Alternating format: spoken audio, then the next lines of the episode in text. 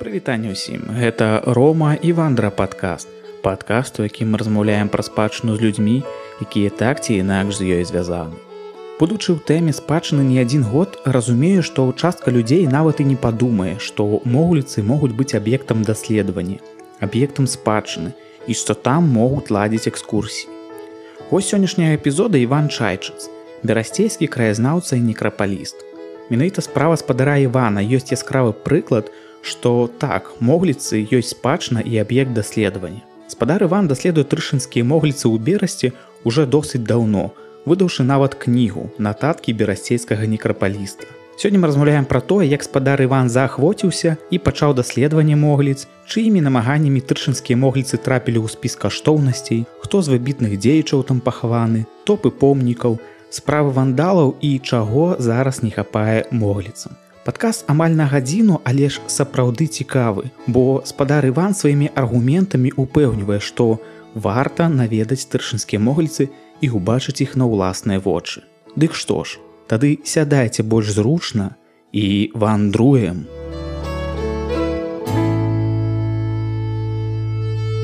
Спадараван вітаю вас. Добрый вечер из славного города бреста. Ужо шмат гадоў вы заахвочваны берасейскім краязнаўствам і ў прыватнасці берасейскімі могліцамі і вось пытанне такое адкуль гэта ўсё ўзялось у вас что было триггером пачаць цікавіцца моглицами сложно сказать. Если бы я знал сам на все ответы. Но действительно когда я в первый раз оказался это можно сказать начало двухтысячных годов на тришинском кладбище это было первое кладбище из брестских которое я стал исследовать меня просто туда потянуло. Потянуло вот просто захотелось походить посмотреть более того если не ошибаюсь я туда вообще первый раз с ребенком пришел то есть мы гуляли у меня был отпуск мы по всему Бресту с ней лазили, с дочкой. И в том числе и приехали на Тришинское кладбище. Вот, ходили, смотрели. Она что-то спрашивала, я что-то отвечал. Чем больше она спрашивала, тем становилось мне интереснее, что я не могу найти какой-то ответ. И таким образом тихо, аккуратно, спокойно я вернулся туда уже один. И вот с этого момента, можно сказать, и появился так называемый Брестский некрополист. У вас была некая информация до, до этого первого похода прамогліцы Мабыць нешта чулі што там нехта пахованы знакаміты ці там ёсць прыгожыя помнікі Более того, я даже искал чугунную лавочку чугунного литья. Свод памятников. Выдавались такие книжки в конце 80-х, в начале 90-х годов. Я внимательно посмотрел там про какую-то каплицу, какая есть лавочка. И что меня удивило, когда я уже облазил полностью весь некрополь, никакой лавочки я там не нашел. Соответственно, напрашивался вывод, что ее оттуда унесли на металлолом, и после этого, конечно, все это дело захватило. То есть вот эти читаешь имена, фамилии, генералы, дворяне, тайные советники, статские советники. И постепенно, постепенно, где-то через интернет, где-то через книги стал уже интересоваться какими-то людьми, какими-то особами. Но самая фишка началась, когда я находил уже сам людей, о которых никто ну, в принципе, и сейчас таких тоже нахожу, никто не знает, а эти люди имеют, ну, так скажем, свой какой-то особенный статус. Сходили вы на Моглицы, дальше з'явіўся інтарэс, гэта 2000 інтэрнэту яшчэ не так шмат было, мабыць, і ўвогуле не было. Як проходил процесс даследаванняў какие ступени проходили обычно смотришь какая-нибудь фамилия имя может быть там написано какие-то должности человека и начинаешь смотреть через базы там допустим если это военнослужащий красной армии там или советской армии открываешь обд мемориал по Первой мировой войне, потому что есть георгиевские кавалеры, тоже соответствующие базы, которые находятся в Российской Федерации. Ну, понятно, русская императорская армия, там у них все это и есть. Сложнее, конечно, было уже, если кто-то где-то в межвоенный период, здесь уже приходилось самому что-то пытаться найти. Ну и в то же время нельзя забывать, что в Бресте выходили также книги, различные очерки в газетах «Вечерний Брест» и «Брестский курьер», где Василий Сарычев и Владимир Глазов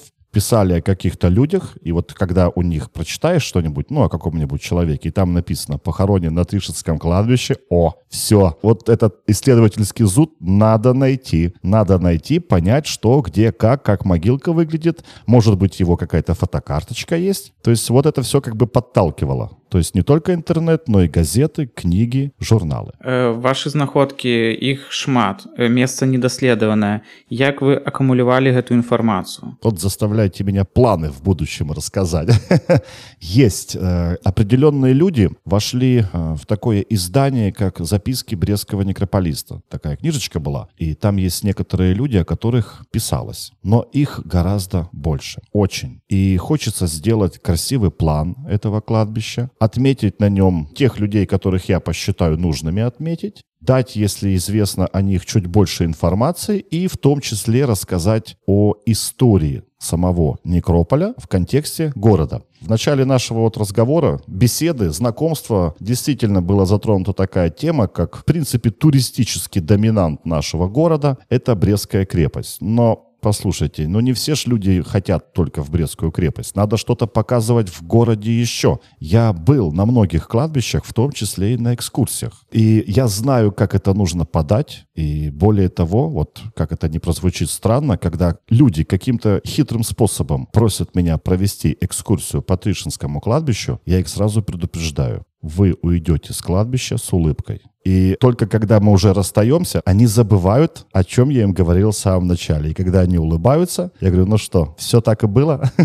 все так. То есть там действительно можно рассказывать интересно, можно рассказывать захватывающе. И да, каким-то образом все равно будет кладбище пересекаться с э, Брестской крепостью, потому что там покоятся некоторые люди, связанные судьбой с этим местом. Но все равно, но есть же у нас еще что показать. Поэтому вот, вот хочется это дело продвигать. Кранаючы тэму даследаванню, вы не адзіны даследчык таршынскіх могілак і ўвогуле могліц берасці. Хто яшчэ даследаваў і ў ваш час і, мабыць, да гэтага часу ну, да 21 стагоддзя. Хто яшчэ даследаваў могліцы берасці? По 20 веку мне сложно сказать, но вот 21 огромнейший вклад, действительно огромнейший вклад в изучение, в исследование, в сохранение значение и в то, что это кладбище сегодня является историко-культурной ценностью Республики Беларусь, два кладбища у нас таких, Кальварийское и Тришинское, то это Николай Николаевич Власюк-старший. Он действительно провел колоссальную работу. Он практически, наверное, всех переписал, а тут надо понимать, что это вообще дело даже не одного дня, месяца и года, потому что там нет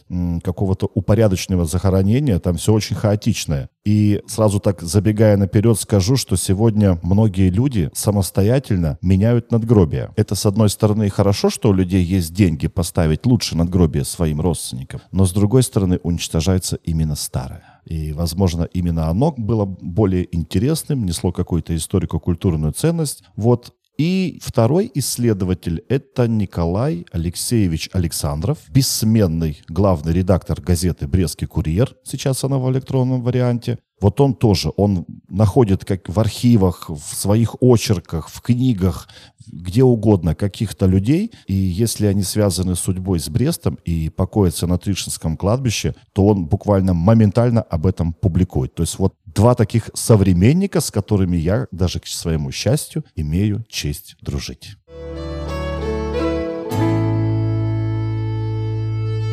Добра пададзем тады да тыршынскіх могліц вы ўжо згадалі што яны унесены ў спіс матэрыяльных каштоўнасцей беларусі. Чаму яны былі ўнесены туда і навошта яны знаходзяцца ў гэтым спісе? А вот так и должно быть. Вот так с нашими всеми кладбищами которые у нас больше ста лет, больше двухста лет, они должны быть именно нашей историко-культурной ценностью. У нас порой историко-культурная ценность такому присваивается, что хочется обнять и плакать. Вообще не зря говорят, что хочешь посмотреть, как в этом городе относятся к живым, сходи на кладбище и посмотри, как они относятся к мертвым. И если бы эту пословицу переложить на наши реалии, то я не совсем до конца хочу сказать, как у нас относятся к живым.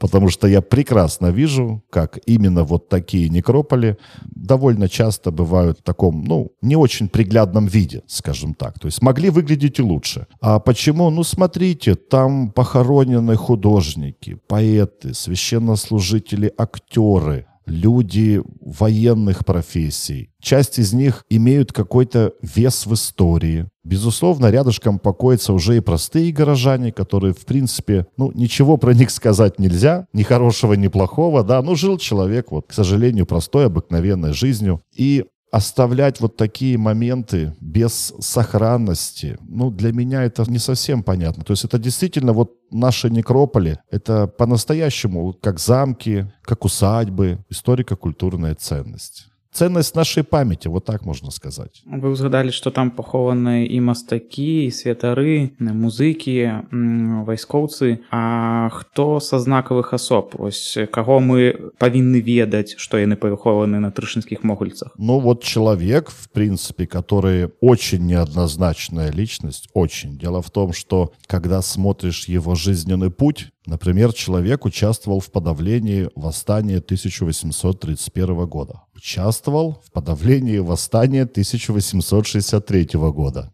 Был при Муравьеве генерале. То есть э, имение получил здесь недалеко от Бреста, так скажем, как они называли, в северо-западном крае за хорошую службу. Но, тем не менее, этот человек был поэт, прозаик, этнограф и музыкант. Это Алексей Староженко украинский поэт. Он писал как на русском, так и на украинском языке. И его надгробие, собственно говоря, охраняется. То есть она и раньше, до того, как кладбище был присвоен статус, тоже охранялась государством. То есть вот смотрим, какая неоднозначная личность для истории в нашей, в нашей краине, на нашей земле. Но, тем не менее, вот, пожалуйста, поэт. То есть этот человек является знаковым, как для города Бреста, он тут проживал, был предводитель дворянства, так и для Украины, где его прекрасно знают, прекрасно помнят. Вот такой даже человек, Алексей Староженко.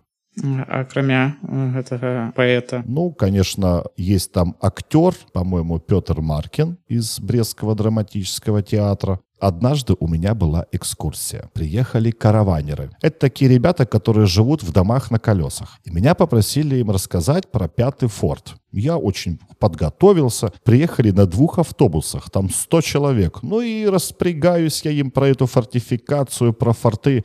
И так случайно сказал, что на Тришинском кладбище покоится первая жена будущего генерала Карбышева. 100 человек меня окружило и сказали примерно так. Нафиг нам ваша фортификация, рассказывайте какая первая жена генерала Карбышева. То есть, э, ну да, действительно, на кладбище покоится первая супруга. Сейчас генералом, как мы знаем, тогда он был капитаном, инженер-капитан Дмитрия Михайловича Карбышева. Тоже очень неоднозначная личность э, в истории и Бреста, и Советского Союза, скажем так. Много легенд еще что-то. Но именно вот эту женщину в советское время его историографы вытирали из истории, потому что было негоже, что у целого генерал-лейтенанта, оказывается, была первая жена, которая, по определенным сведениям, покончила жизнь еще и самоубийством. А откуль такі інтарэс быў у гэтай групы чым яны так заахвоцілись а никто не знал что он женат второй раз никто не знал. В принципе, многие до сих пор не знают, что Карбышев был женат второй раз. И что интересно, его первая супруга была старше его на 14 лет,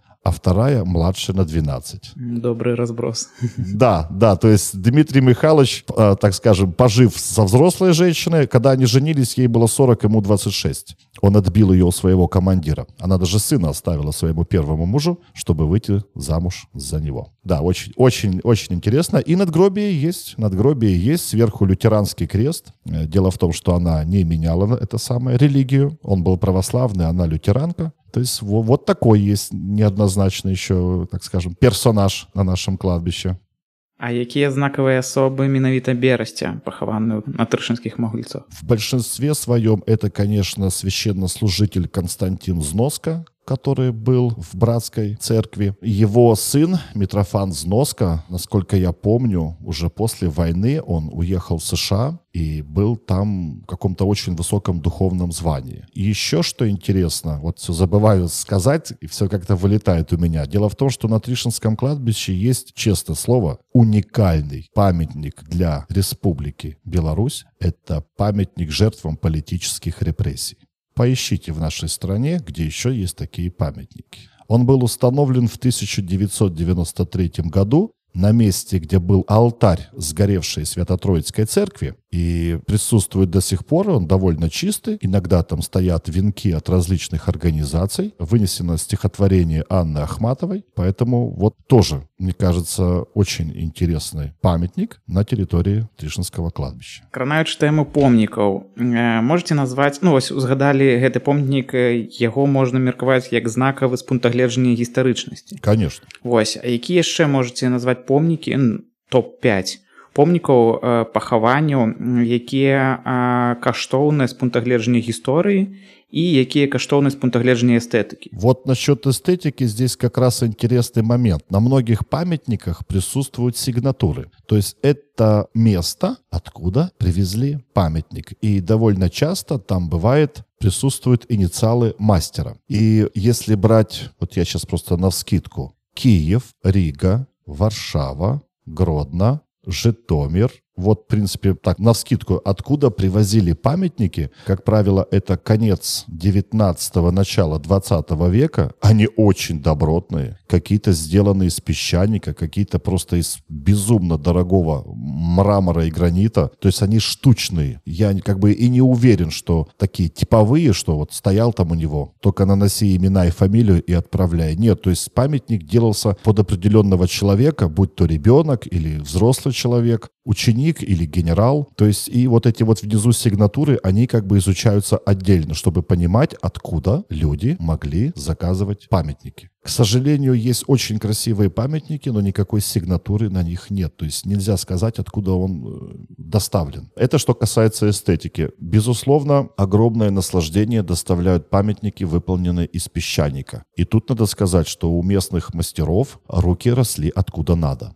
То есть это очень красивые памятники. Там и какие-то ангелочки, и какие-то дети. На некоторых из них до сих пор даже сохраняются оригинальные краски. То есть вот абсолютно как мастер там в 1902 году нанес на фигурку ребенка э, какие-то краски там голубого цвета, зелененького, вот они до сих пор еще даже просматриваются. То есть это действительно красиво, это важно, то, что такие сохраняются. А по наиболее интересным, ну смотрите, памятник выполнен в форме гробика. То есть вот натурально на земле стоит каменный гробик. Я сколько некрополей обошел, такого не видел. Еще у одного человека есть памятник. Полностью крест выложен из гранат. Ну вот настоящие гранаты, точнее даже сказать гренады. Были в российской армии такие солдатики-гренадеры, как раз в их должность ходила гранаты метать. И там подполковник артиллерии Котляревский покоится. Вот у него памятник полностью выложен, крест точнее, выложен из этих вот гранат. Я когда смотрю, у меня сердце радуется. Почему? Потому что очень многие какие-то детали, которые из металла и достаточно удобные, уже давно вынесли вандалы. А к этому памятнику подобраться очень тяжело. То есть он находится в неприглядном месте и как бы постоянно заросший. То есть, слава богу, не дошли. А, конечно, это такая мемориальная часовня первому директору Александровского Брестского кадетского корпуса Гельмерсену. Он скончался в 1852 году, то есть памятнику без малого уже 170 лет. Но что тут говорить, э, время и открытое пространство делают свое дело, то есть памятник очень сильно разрушился. К сожалению, ему хана. Осталось от былого величия лишь какие-то фрагменты, моменты. Вот, жалко. То есть его сохранить, скорее всего, не получится, поэтому каждый раз, когда мы туда приходим с ребятами, профессиональными фотографами, я всегда им говорю, сфотографируйте этот памятник, потому что, возможно, это будет самая последняя его фотография. Вот, э, безусловно, очень интересные памятники из такого вот гранита, конец 19-го, начало 20 века, потому что очень массивные, очень массивные. Но вот они очень сильно отличаются от тех, даже которые сегодня делаются за очень хорошие деньги современными мастерами. То есть даже сложно представить, сколько они стоили в те годы. Это с пункта гледжання эстетики, а с пункта гледжання истории які топ вось акрамя того помніка палітычным рэпрэсіям безусловно его никуда деть нельзя ну конечно алексей староженко чего уж тут говорить поэт писатель этнограф знают его по обе стороны границы и в беларуси и в украине ну алиса карловна карбышева пусть будет никуда мы от нее не денемся первая супруга карбышева так кого мне так упомянуть чтобы они не обиделись мама Екатерина Георгиевна, это мама художника Дмитрия Стелецкого. И памятник, к сожалению, разрушается. И был такой момент, что, по-моему, в 2019 году со мной связывался руководитель какого-то подразделения Белгазпромбанка, Дело в том, что они покупали картины в свою корпоративную выставку, вот эту «Аксиомы», и в том числе и привозили ее в Брест. Была шикарная картина Дмитрия Стелецкого «Ночь на Ивана Купалу». И когда в Бресте строилось вот напротив, практически напротив кладбища, строилось большое отделение Белгазпромбанка, они очень хотели вот эту могилу восстановить. Но не успели, не восстановили, да. То есть могила, к сожалению, разрушается. Вот ее, пожалуй, я тоже посчитаю, потому что, в принципе, пусть это и, и мама, и мама,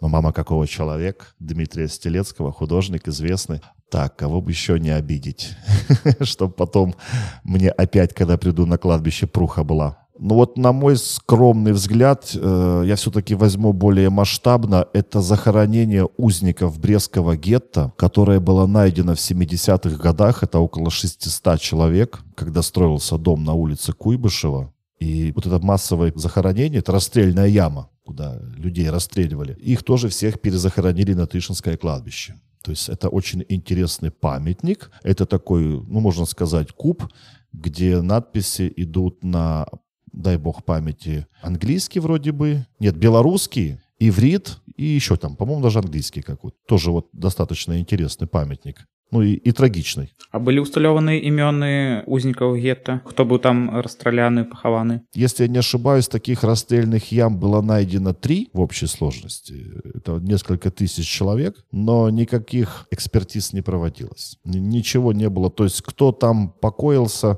так и осталось все это узники гетто конкретно никто не, не смогли ни одного человека идентифицировать то есть у них не было ничего такого, чтобы указывало, вот в отличие от солдатиков, у которых были вот эти медальоны, то есть там неважно косточки, но если сохранился медальон и можно прочитать, то в принципе считается, что это человек такой-то и такой-то. Вот здесь такого не было, потому что, насколько я помню, перед расстрелом людей заставляли раздеваться до гола. спадарван вы ўзгадвалі ў самом пачатку што пры першым вашым паходзе на могліцы Э, вы сустракалі інфармацыю шукалі э, лаву чугунную маю на увазе можете крыху распавесці гэта тоже быў помнік нейкі ці гэта нейкае просто упрыгожванне могліц очень красивая настолько красивая что если ее 80-е года запечатлели фотографы и вставили в свод памятников значит они действительно разбирались в какой-то вот эстетике красоте я думаю что ее просто утащили но есть два варианта первый это утащили к себе домой, не знаю, в огороде поставить, и можно сидеть шашлыки жарить. А второй момент, это как вот принято, вот мне, если честно, это словосочетание не нравится, лихие 90-е. Нормальные были 90-е, я в них жил, поверьте. Да, ну, со своими нюансами, конечно. То на металл сдавали очень много именно на металл, денег у людей не было, хотелось заработать по-быстрому, а такая лавка могла потянуть очень. То есть она просто стояла возле какого-то памятника, установили ее, разумеется, родственники для того, чтобы приходить на какие-то там родительская суббота, там перед Пасхой, еще что-то, и просто присесть на нее. Очень красивая была. А за все эти годы даследавання ці сустракалі вы яшчэ нейкія фотаздымкі акрамя таго у кнізе сода помнікаў фотаздымкаў лавы нейкіх успамінаў пра гэту лаву каб неяк высветліць абставіны товарищ у меня один вот товарищ у меня один сказал что Ваня по-моему эта лавка стоит у меня во дворе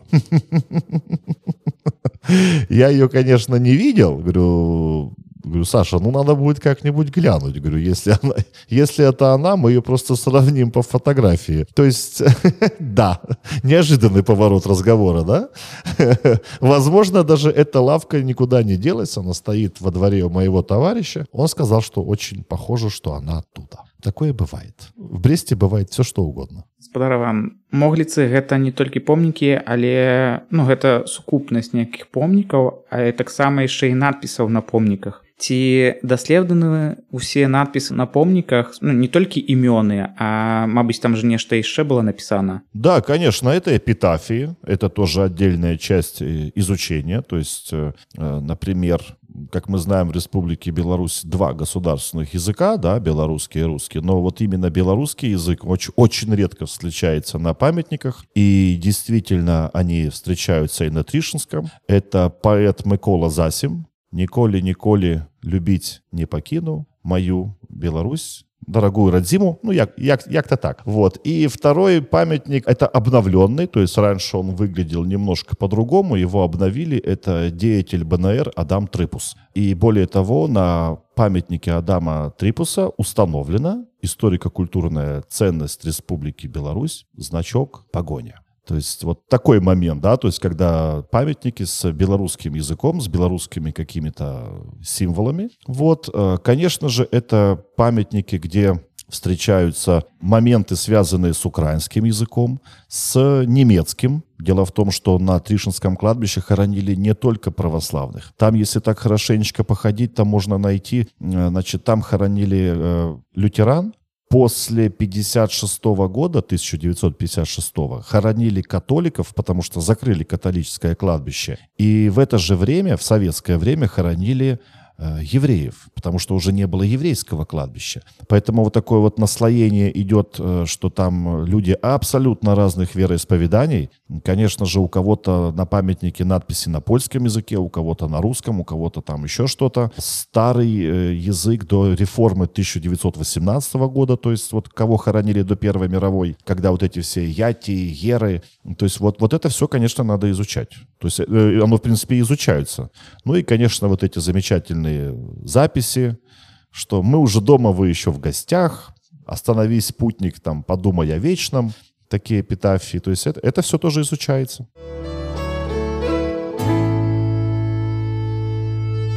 помнікі надпісы гэта ўсё добра постаці людзей колькі увогуле чалавек пахавана на тыршынскіх могліцах это проблема дело в том что я думаю бумаги хранились в церкви где нужно было записывать кого принесли где похоронили и так далее церковь сгорела в 70-х годах то есть никаких других следов и у меня и у других исследователей нет сохранились ли где-то какие-то списки Более того, там действительно хаотичные захоронения. И представьте, допустим, захоронение 19-19-19 века, между ними захоронение 1950 года. Но так или иначе становится понятно, что это похоронили вместо кого-то. То есть там было, скорее всего, раньше чья-то могила, сломался крестик, там все это самое и кого-то. Поэтому точное количество нельзя сказать, можно только предположить, что там покоится более 10 тысяч людей. Угу. А, великая колькость, а колькі з іх даследавана, то бок перапісана, колькі імёнаў э, вядома з тых там 10 плюс тысяч. Именно полную перепись проводили проводил, вот как я и говорил ранее, это Николай Николаевич Фласюк-старший. То есть он вместе со студентами, это было, в принципе, очень давно, они поделили по секторам Тришинское кладбище и аккуратно, аккуратно выписывали, то есть чистились какие-то памятники, потому что многие из них уже и не видно ничего не было, или там ржавчина,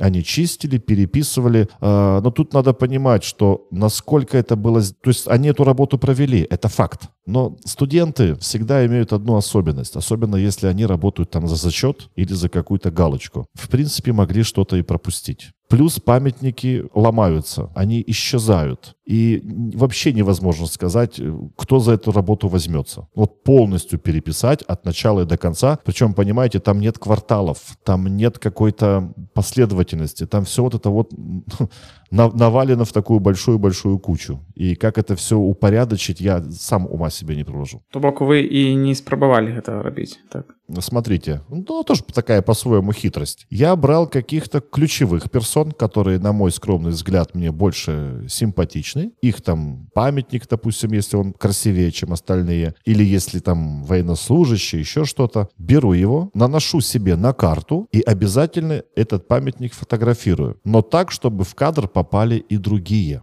Таким образом, у меня практически отснято все кладбище. И иногда бывает так, особенно это заметно сейчас, когда на старой фотографии один памятник, а в реальности сегодня уже стоит совсем другой. Просто поменяли родственники, вот и все. То есть э, переписать, ну, я не знаю, ну, слишком это будет очень э, затратно по времени. А я все-таки больше назначил таких вот, ну, от, как на мой взгляд, ключевых, и уже от них отталкиваюсь. То есть смотрю, кто там возле них покоится, вот, вот таким образом. Вы згадали еще раз про то, что меняют помники, то бок некие могилы, у тым ліку старые могилы, яны доглядаются людьми, так? Это вообще отдельная тема. Насколько я вот совсем недавно был на кладбище, там появилась такая хорошая растяжка на воротах о том, что просят людей, прежде чем они меняют памятники, ну, обращаться там в коммунальник или еще в какие-то организации. Ведь кладбище — это историко-культурная ценность. И памятник, в принципе, насколько я понимаю, можно поменять на такой же, но только новый. А такой же сделать нереально. Там памятники 40-х, 50-х, 60-х годов. Сейчас такие не делают. И люди ставят современные. И порой они вообще не похожи. То есть они полностью меняют, где-то начинают плиткой закладывать вокруг памятника, то есть нарушается вот эта вся концепция таких вот моментов, как историко-культурная ценность, где вообще ничего трогать руками нельзя. А уж когда меняют, и у кого-то больше денег, они начинают заказывать помпезные памятники, у кого поменьше денег, более скромные. И таким образом заходишь, с одной стороны ты видишь э, старые, добротные, богатые памятники, а уже между ними стоят современные. И это очень, как сказать, очень сильно бросается в глаза. Я так понимаю, что вот эти все конторы, которые следят за кладбищем, они как-то пытаются это дело упорядочить. Но думаю, что у них ничего и не получается, и не получится. А на ваш погляд, чему так отбываецца? Чему люди заменяют старые помники на новые? Там и старые помники, яны ну, ставились такими, как яны стояли долго годов. Это не то, что там стоит неких пауцаглинки. Чему вас яны меняют? Да, конечно, памятники стояли достаточно интересные, а здесь просто такое объяснение, на мой взгляд. Когда это все началось, это началось буквально 5 или 6, ну, максимум 10 лет назад. То есть до этого такой тенденции не было. Памятники стояли такие, как и раньше. У людей просто, ну, как это ни странно, и это в принципе хорошо, появились деньги. Вот и все. То есть это когда ты уже не занимаешься там собственной квартирой, собственным домом или покупкой автомобиля, ты немножко решаешь, что тебе вот твои корни, твои предки, ну как-то вот совсем мне не нравится его там покосившийся крест или еще что-то, сделаю-ка я ему солидный памятник. Может быть, даже фотографию поменяю, потому что сейчас новые технологии, можно где-то там какую-то фотографию сделать более яркой, нанести ее прямо на памятник, в отличие от медальона, который выцвел. Таким образом, люди исключительно из своих чистых, добрых побуждений это делают. То есть это я не буду там специально поменяю, нечего тут мне на историко-культурной ценности смотреть ваши. Нет, люди искренне меняют эти памятники. Им кажется, что так будет красивее. И это правда красивее, но только не на историко-культурной ценности. Это более красиво на таких кладбищах новых, когда вот ставят памятники красивые, помпезные, они там все почти такие. И они как бы не выбиваются из общей массы. А здесь они очень сильно бросаются в глаза. Але ж зваротны бок гэтай гісторыі это тое што у людзей няма сэнсавання тое што гэта спадчына тое што гэта можа быць аб'ектам спадчыны тое што гэта частка гісторыі горада. І няма тут праблем вось у выхаванні гэтых людзей тое што яны менш адукаваныя вось у культурнай галіне. Ну смотрите о кладбищах у нас вообще ничего не говорится. Ну вообще нет никакой информации нет никакого допустим информационного счета. На кладбище слава богу есть колонка где люди могут набрать воды и где могут помыть руки. Есть уборная, есть баки для мусора. То есть, ну, вот такие обыкновенные, простые житейские вещи, которые, в принципе, должны быть. Но нет никакого информационного счета. И неужели вы думаете, что 99% приходящих туда людей, хоть кто-то из них один знает, что это историко-культурная ценность? Что здесь похоронены какие-то люди, что вот есть памятники жертвам войны, жертвам политических репрессий. Этого всего нет. Нет никакого информационного счета, нет никаких указателей, которые бы показывали там, как пройти каким-то персонам, личностям, еще что-то. Этого нет. И люди воспринимают э, вот это кладбище, ну, как обыкновенное сельское, как самое простое, тут нет ничего ценного, тут мой родственник лежит, вот что для него самое ценное. А то, что это, в принципе, любой некрополь, это, ну, какой-то части, это визитная карточка города, как я и говорил в начале. Хочешь посмотреть, как относятся к живым, ну, сходи, посмотри, как относятся к мертвым.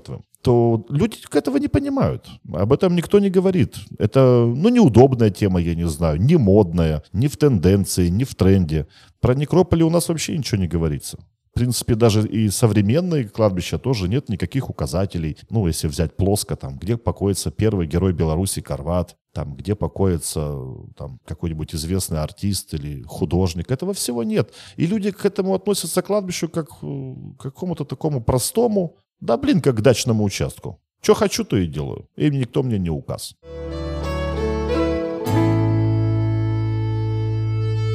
давайте тады перайдзем да негатыўнага боку могліц я пра вандалізм пра чорнакапальніцтва частка помнікаў яны выбудаваны з чыгуна ці іншага металу асабліва агароджа. І гэта прыцягвае увагу злачынцаў які выносяць гэты агароджа помнікі крыжы выносяць на металлолом А наколькі гэта праблема сур'ёзная? Она присутствует. Дело в том что если я не ошибусь год назад или два мы подняли этот вопрос когда в очередной мой исследовательский полевой выход на Тришинское кладбище я заметил что пропала ограда чугунная у мамы художника Дмитрия Стелецкого а у генерала-лейтенанта Гельмерсена утащили кусок ограды чугунной и сделали репортаж на местном телевидении. Некоторые люди, прочитав это, я, в принципе, всегда такие вещи описываю в своих социальных сетях, кто-то прочитал и гневно стали звонить на горячие линии.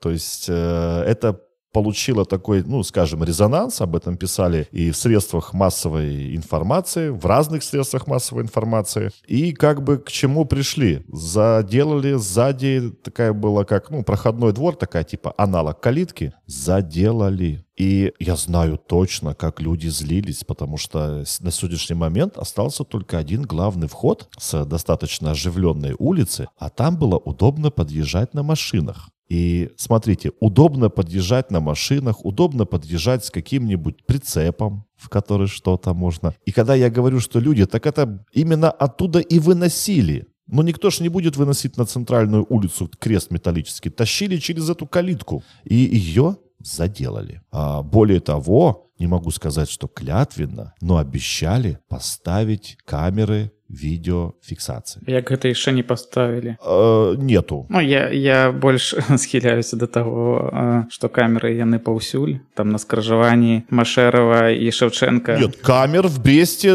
повсюду в бресте у нас камер очень много от слова совсем я не знаю может даже где и места общественных уборных там посмотрят кто вошел и, и как вышел а вот здесь нету говорили что маршрут если я не ошибаюсь, маршрут сотрудников патрульно-постовой службы еще должен быть проложен так, чтобы они как-то там заглядывали. А вообще кладбище официально открыто с 9 утра до 7 вечера. И после семи вечера, если там можно заметить каких-то праздно шатающихся, их уже можно аккуратно спросить, там, уважаемые, а что вы здесь делаете? То есть это действительно проблема есть, тянут. Просто поверьте мне, тянут. Благодаря тем же фотографиям, которые я делал раньше, какие-то памятники металлические исчезают, и они остаются только на фотографиях. Второй момент – это не столько любители металла, сколько любители, в кавычках, культурного отдыха. На кладбище приходят выпить. Это просто, поверьте мне, я этих людей вижу. Последний раз, когда я там был, даже они со мной поздоровались.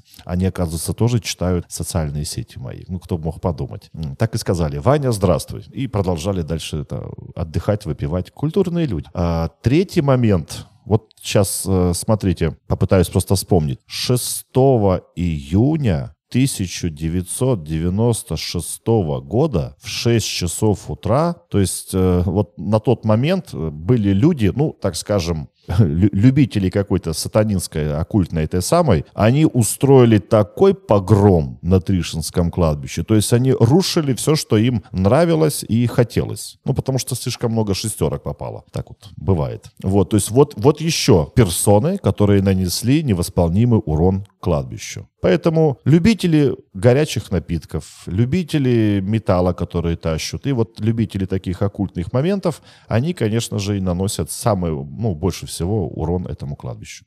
А вось наконт металаздабытчыкаў умоўных ці былі кейсы калі знаходзілі той металл ты крыжы агароджа і вярталі яго на могліцу я вам больше скажу там поймали двух вандалов которые ночью ломом долбили могилу какого-то там российского генерала то есть их арестовали прямо на месте преступления был суд и если не ошибаюсь это тоже 2000-е года уже, им дали штраф который был эквивалентен, по-моему, 200 долларам США. Да, то есть э, говорить о том, что там, если кого-то поймают, он понесет какое-то наказание, так это еще доказать надо. То есть, ну, это, это вообще люди, которые принимают металл, вот я точно могу сказать, что если я увижу металлический крест, металлическую ограду, какие-то фрагменты от металлического памятника, я сразу могу сказать, что это складбище, потому что это видно. И люди, которые принимают у них металл, они не могут не видеть, когда какой-то там чувак притащил здоровенный чугунный крест. Он его с кладбища только мог взять. А были размовы вось з гэтымі э, металлапрымальнікамі Ну Мабыць яны бачылі Мабыць яны сустракалі некія вось нетыповыя металлёвыя нейкія прылады а, тут надо понимать, что это их бизнес. У нас э, мы опять возвращаемся к тому, а у нас разве кладбище является какой-то ценностью? Это люди зарабатывают. Люди зарабатывают, одни зарабатывают, чтобы утащить, другие, чтобы потом перепродать, и потом уже э, не найти, так сказать, концов. Видите, у нас как-то больше делается акцент на такие памятники, там, ну, это тоже, в принципе, наверное, и хорошо, и надо, не знаю до конца, а, связанные с э, Второй мировой войной и Великой Отечественной войной, да, там вот, чтобы все там, не дай бог, и там руки поотрываем. А вот такие кладбища, на которых старое надгробие, чугунное литье, мрамор и песчаник, так это ж все было до революции. Так это ж все при поляках, так это ж все там еще при ком-то. В общем, неинтересно. Зачем это все охранять? Гори оно гаром. И вот с таким отношением мы будем иметь то, что имеем.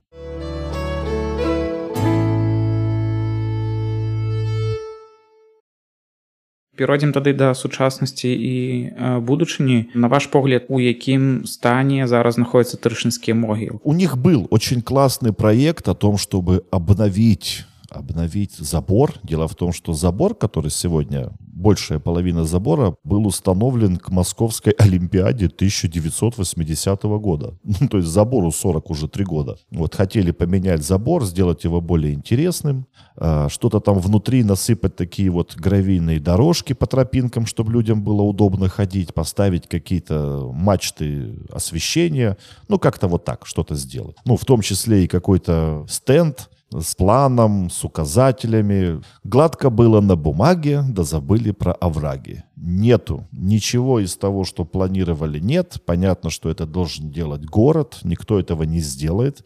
Возможно, город бы и хотел, чтобы появился какой-нибудь дальний богатый родственник одного из усопших, допустим, барона Таубе, да, родственники которого проживают в Австралии. Вот, и взяли и все сделали. Но так не бывает.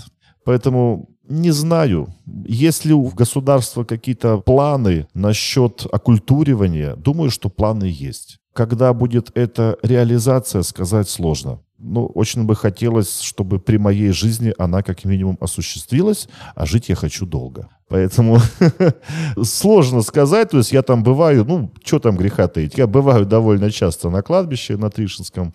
Вот, и, ну, пока я не, не вижу никаких изменений от слова совсем.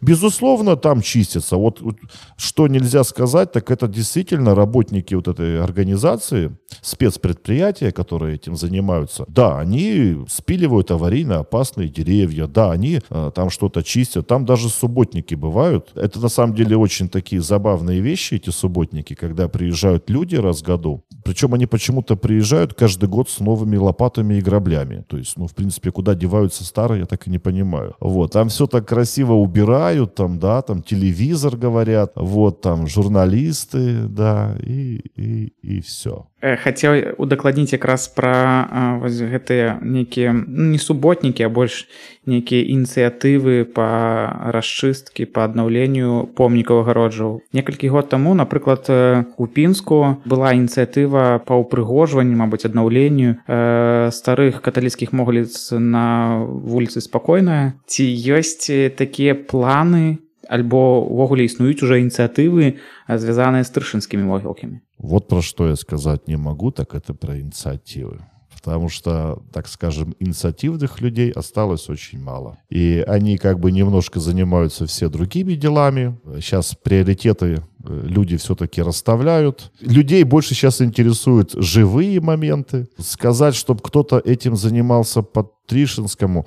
Вы знаете, бывают такие моменты, когда действительно что-то люди спрашивают, и, ну, мне кажется, они бы как минимум по каким-то моментам обратились бы либо к Николаю Николаевичу, Власюку старшему, либо ко мне, потому что, как бы, ну, это не нескромно, но тем, кто занимается этими кладбищами, в принципе, в городе знают. И бывает так, чтобы там где-то советуются, спрашивают, интересуются. Я думаю, что мы бы знали. Про некие инициативы, про, ну, умовно, врушняк некий на Моглицах, а так само и ладить ладзяць экскурсіі па могліцах у тым ліку і вы я ведаю яшчэ есть экскурсаводы з берасця э, наколькі гэта э, цікавіць жыхароў брэста наколькі гэта цікавіць прыезджых турыстаў і як ставіцца да гэтага грамадства? Бо для часткі грамадства могліцы гэта нейкі такі жалабны жалобнае месца. Гэта не месца для нейкіх там фотаздымкаў нейкіх там усмешак і гэтак далей наколькі гэта цікавіць і як да гэтага ставіцца я думаю что это интересно потому что в принципе всех о ком мы сейчас говорим то есть это люди которые проводят экскурсии по трижинскому кладбищу мы друг друга знаем но все-таки брест не, не такой же большой город и большинство из этих людей они у меня в друзьях я у них в друзьях вот смотрите какой есть нюанс смотря как рассказывать. То есть я вот э, видел, как рассказывает один человек, как рассказывает другой. Ну, естественно, можно было бы что-то там поправить. Возможно, и меня поправить можно. Никто не говорит, что я там такой уже умный и все знаю. Ни в коем случае. Но все зависит от того, как люди подают информацию. Ведь нужно рассказать так, чтобы и человек что-то запомнил. И понял, насколько вот этот доминант Брестская крепость относительно может уступить, уступить свою какую-то нишу историческую, музейную, что есть у нас и такой вот музей под открытым небом, Пожалуйста, приходи, пожалуйста, смотри. Ничего платить не надо, все в открытом доступе. Могу только сказать, что, наверное, это не скромно будет, что многие бы хотели меня послушать на Тришинском кладбище. А только я не всегда соглашаюсь. Это не скромно, да, согласен. То есть, действительно, это все зависит от подачи. От подачи, от того, насколько человек владеет материалом, насколько человек владеет информацией. Все-таки у меня немножко, ну, будем честными, больше информации, чем у профессиональных гидов экскурсоводов заводов. Все-таки они больше несут уже готовые материалы, обработанную информацию через книги, через интернет, через публикации, книги. Вот. А у исследователя всегда в запасе, в кармане есть несколько моментов, о которых никто кроме него не знает. Вот поэтому, наверное, и, и получается каждый раз вносить что-то новое в такие экскурсии. Вот. Могу только честно сказать, людям нравится. Людям нравится, людям интересно. Почему это не поставлено на поток? Ну, я не знаю. В принципе, могли бы, наверное, этим больше заинтересоваться и городские власти как-то тоже вот что-то там. Ну, понятно, что там первоклассников водить не надо, но уже одиннадцатый класс, в принципе, можно нормально объяснить. И, возможно, люди бы э, знали, как им в будущем вести себя на таких местах, на кладбищах. То есть весь, э, дома им тоже никто ничего объяснять не будет. Когда они там на кладбище бывают? Ну, на Пасху поедут, либо еще что-то там. Вот. То есть люди там, в принципе, по, так скажем, по доброй воле на кладбище никто не ходит. Вот. А если э, на экскурсии, вот, и послушать, и вот расскажут, глядишь, и из такого белоруса вырастет уже совсем другой белорус, более добрый, более понятливый, более э, трепетно относящийся к своей спадщине. Но разве это не прекрасно? Это цудоўна спадар Іван пра будучыню. Зараз тэхналогіі развіваюцца. А што з гэтым стрышынскімі могілкамі? Ці плануецца ці мо быць робіцца некая дыджыталізацыя адлічбоўка могліц стварэння нейкіх э, лічбавых праектаў? Возможно, кто-то этим и занимается. То есть нельзя исключать, потому что я очень уважаю нашу молодежь. То есть это действительно классные ребята, продвинутые. Они вот со всеми этими технологиями ой-ой-ой, как хорошо дружат. И, возможно, кто-то из них что-то и делает. То есть, э, если бы кто-то ко мне вот обратился там с какой-то помощью, советом, и вот что-то бы подобное делал, я бы человеку сразу помог, чем могу, тем помогу, что там показать, рассказать, э, еще что-то. То есть, ну, не знаю, не знаю. Но было бы здорово, если бы кто-то это делал. Было бы классно. А у вас у самого не было таких планов, как инициировать это? Да, видите, у меня просто такая вот, как сказать, у меня 26 часов в сутки. Мне дня светового мало вот вообще на все, что, все, что я делаю. Мне просто не разорваться, к сожалению. Я бы с удовольствием что-то бы пробовал, но я не, не успеваю все фізічна. Зразумеў. А, на ваш погляд, а чаго не хапае трышынскім могілкам як аб'екту спадчыны у агульным сэнсе? Да вы знаете, внимание, внимание именно не просто экскурсоводов, которые туда приводят людей и что-то рассказывают, не просто исследователей, которые вот находят, публикуют, экскурсоводы это читают и потом тоже рассказывают. Здесь больше внимания, ну, поскольку мы говорим о Тришинском некрополе, это все-таки внимание города, потому что делая акценты, ну вот смотрите, приезжают люди, да, вот у нас там без виз есть, приезжают люди, ну, понятно, что не всем интересна Брестская крепость. Многие люди приезжают именно в сам город Брест. У кого-то из них тоже есть ледовые дворцы из тех городов, с которых они приезжают. Есть классные какие-то объекты спортивные, еще что-то, кинотеатры, театры, а может даже еще и круче, чем у нас. Они приезжают посмотреть на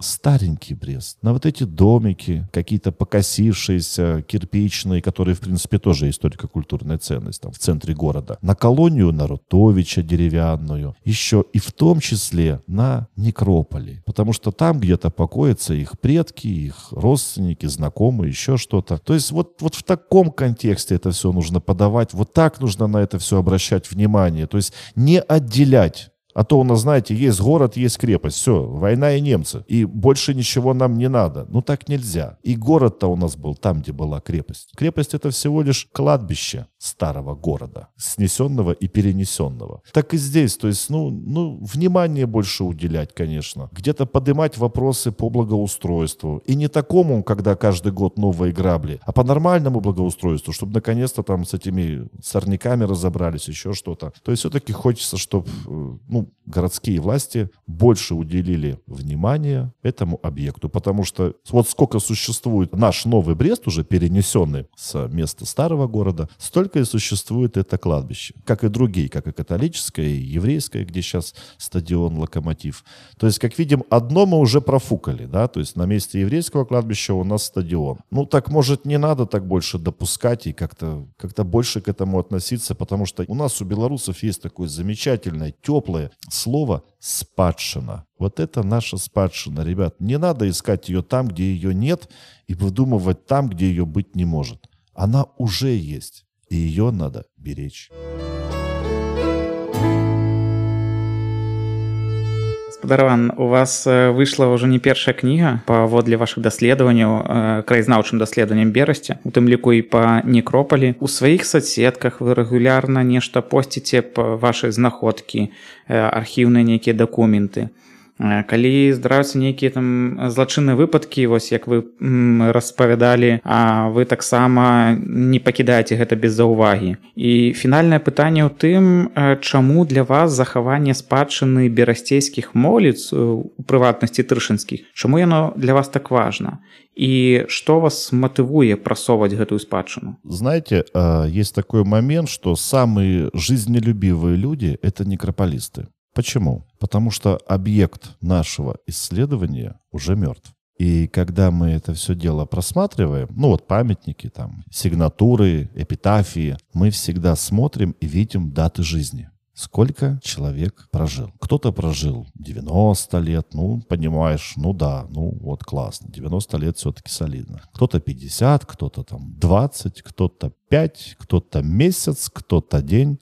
Ой, ребята, жизнь, она с такой скоростью летит, она так быстро пройдет, и закончится она, что я так ничего, в принципе, и не узнаю, как она закончилась. Ведь никто оттуда еще не вернулся и не рассказал, а что будет дальше. То есть у меня просто закроются глаза и все. И для меня просто все закончится. А, а сейчас и вот э, я пытаюсь, пытаюсь, я не знаю, может быть, э, есть какие-то ну, пускай назовем их высшие силы, которые почему-то вот, ну, получается. Получается. И если бы не получалось, возможно бы я и бросил эту затею. То есть, ну, так чисто для себя бы там походил, посмотрел и, и, и все. А так получается вот что-то находить, опубликовать, узнать новое, донести до людей. И для меня, в принципе, это и важно. Я не могу сказать, что мое время, которое я трачу на это исследование, проходит зря. Может быть, когда там совсем стареньким стану, получу первую пенсию и скажу, а, на что я свою жизнь потратил, да? Ну, лучше бы я чем-нибудь бизнесом занимался. Или IT-технологии изучал. Нафиг я по этим кладбищам лазил. Но пока я так сказать не могу, потому что э, это, это и мое,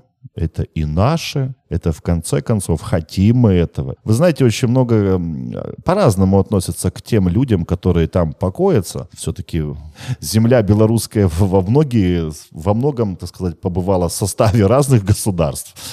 Соответственно, люди там разные покоятся. И бывает так, что там, эх, вот, вот это вот хорошие, а это плохие, это хорошие, это плохие. Да не, ребят, может быть, я не берусь говорить, хорошие были, они плохие, но земля-то наша, ребят, земля-то наша, белорусская. И если уже этим людям суждено было лечь в эту землю, в том числе и в Брестскую, белорусскую землю, ну так давайте уже будем самыми нормальными, красивыми людьми, на которых никто никогда в мире не ткнет и не покажет пальцем, что а вот эти вот а вот так вот не будет. Поэтому и хочется быть в числе тех людей, которые смогут донести до нас, до граждан Республики Беларусь, любой национальности, любой конфессии, что это наша история, нам никуда от нее не деться, и давайте будем ее сохранять, изучать, беречь, Поэтому вот, вот все это и хочется сделать. И чего уж там греха таить, тоже какой-то свой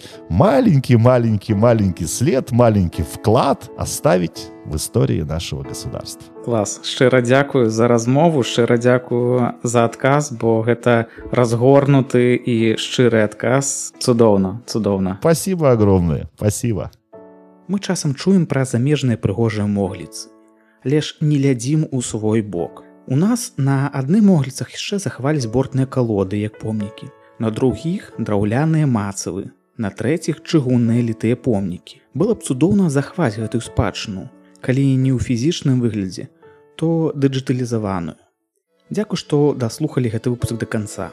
У каго з'явіла жаданне быць дачыненым да даследаванняў, асабліва да дыджыталізацыі могліц, напішыце спадару Івану, спасылкі будуць у апісанні. У апісанні таксама будзе спасылка на сервис Patreon, дзе можна падтрымаць проект Ванда. Проект ужо падтрымала 8 чалавек і за гэтым шчыры дзякуй. А каб не страціць наступныя эпізоды, подписывайтесь на падкаст і сацыяльныя сеткі проекта Вандра.